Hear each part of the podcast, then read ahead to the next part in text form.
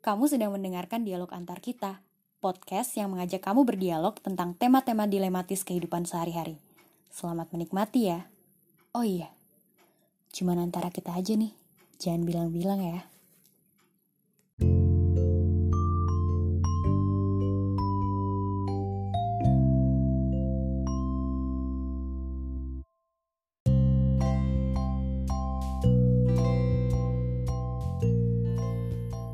Jadi ya, semenjak gue pindah kerja, gue tuh sadar bahwa gue telah belajar banyak hal baru di lingkungan gue yang sekarang yang sedikit banyak akhirnya mengubah pola pikir gue tentang hidup dan terutama tentang cara gue bergaul.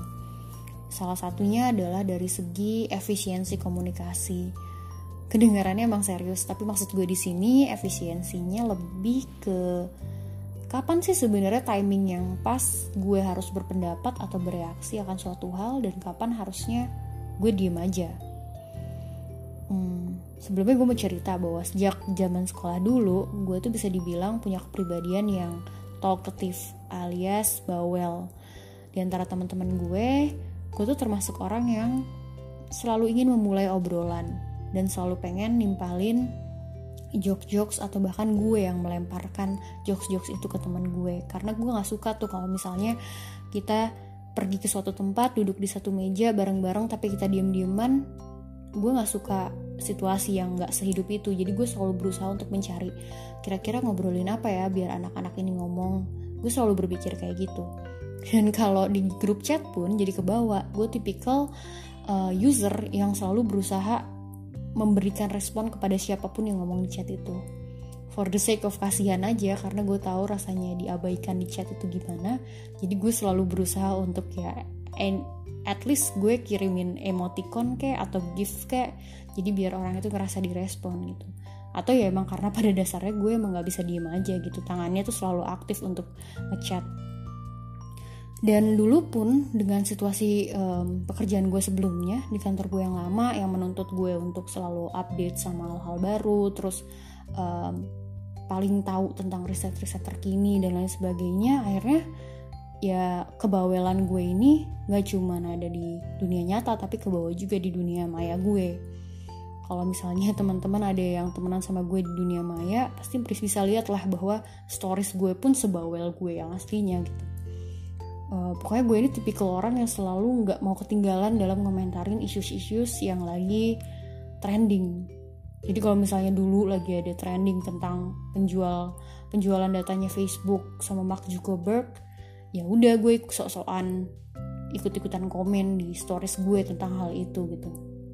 Pokoknya tipikal stories yang panjang banget yang biasanya lo skip gitu deh di Instagram. Itu tuh biasanya postingan gue kayak gitu dulu karena apa? Karena gue ngerasa dengan gue berkomentar terus, baik di dunia maya ataupun di pergaulan sehari-hari, gue tuh bisa jadi orang yang divalidasi oleh lingkungan gue, didengar dan diakui oleh lingkungan gue. Dan gue juga ngerasa gue bisa berkontribusi lebih untuk sekeliling gue lewat opini-opini dan semua teori-teori kesotoyan gue itu.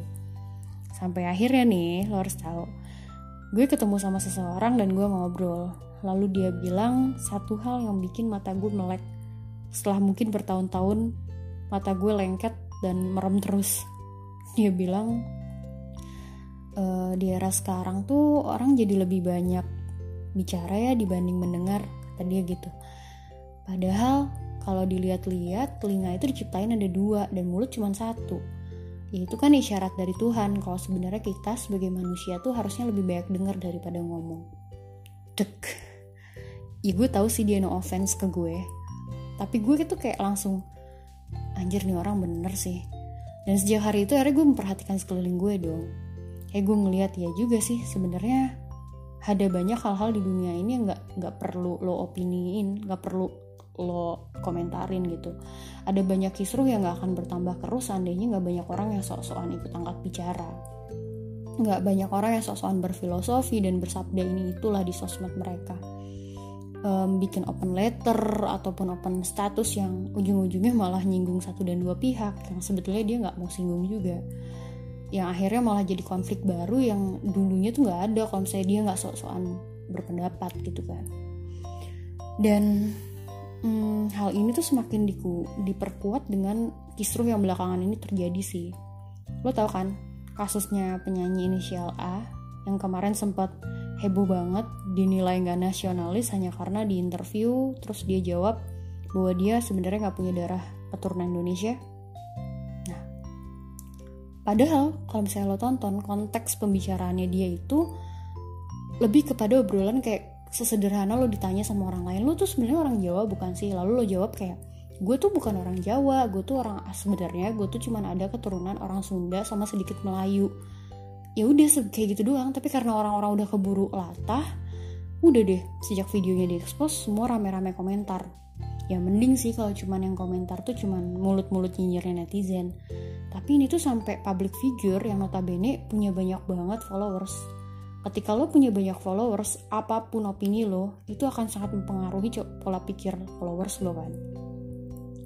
Um, si public figure ini pada bersuara di saat sebenarnya nggak ada yang nanya ke mereka juga ya konteksnya emang nggak semuanya nyerang si penyanyi ini sih. Tapi kan jadinya seolah-olah hal yang kecil diekspos sebegitu besarnya sampai jadi kisruh yang sebenarnya nggak perlu ada juga. Ya nggak sih? Kayak si B ngomenin si A terus si si C bales si B dengan seolah-olah dia jadi kayak um, juru bicaranya si A ngebela si A. Padahal si A juga nggak butuh digituin cuy terus sampai akhirnya kayak ya ribut-ribut nggak jelas.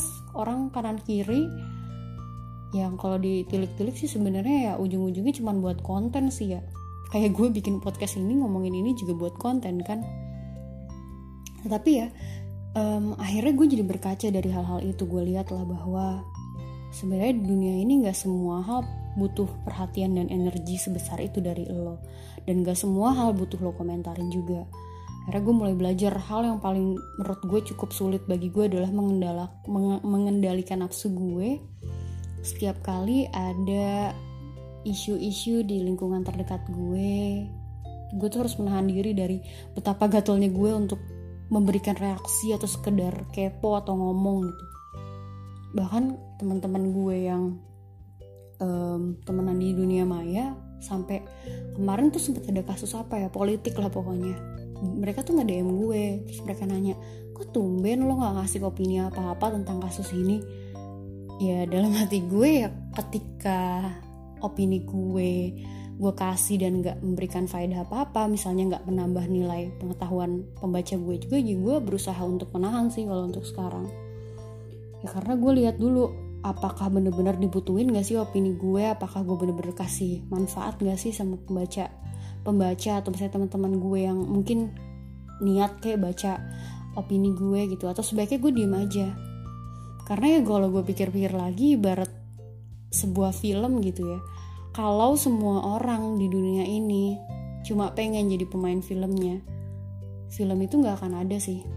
Nggak akan ada yang nonton nggak akan ada sutradaranya nggak akan ada editor audio postnya nggak akan ada art directornya. Semuanya jadi pemain terus gimana ya nggak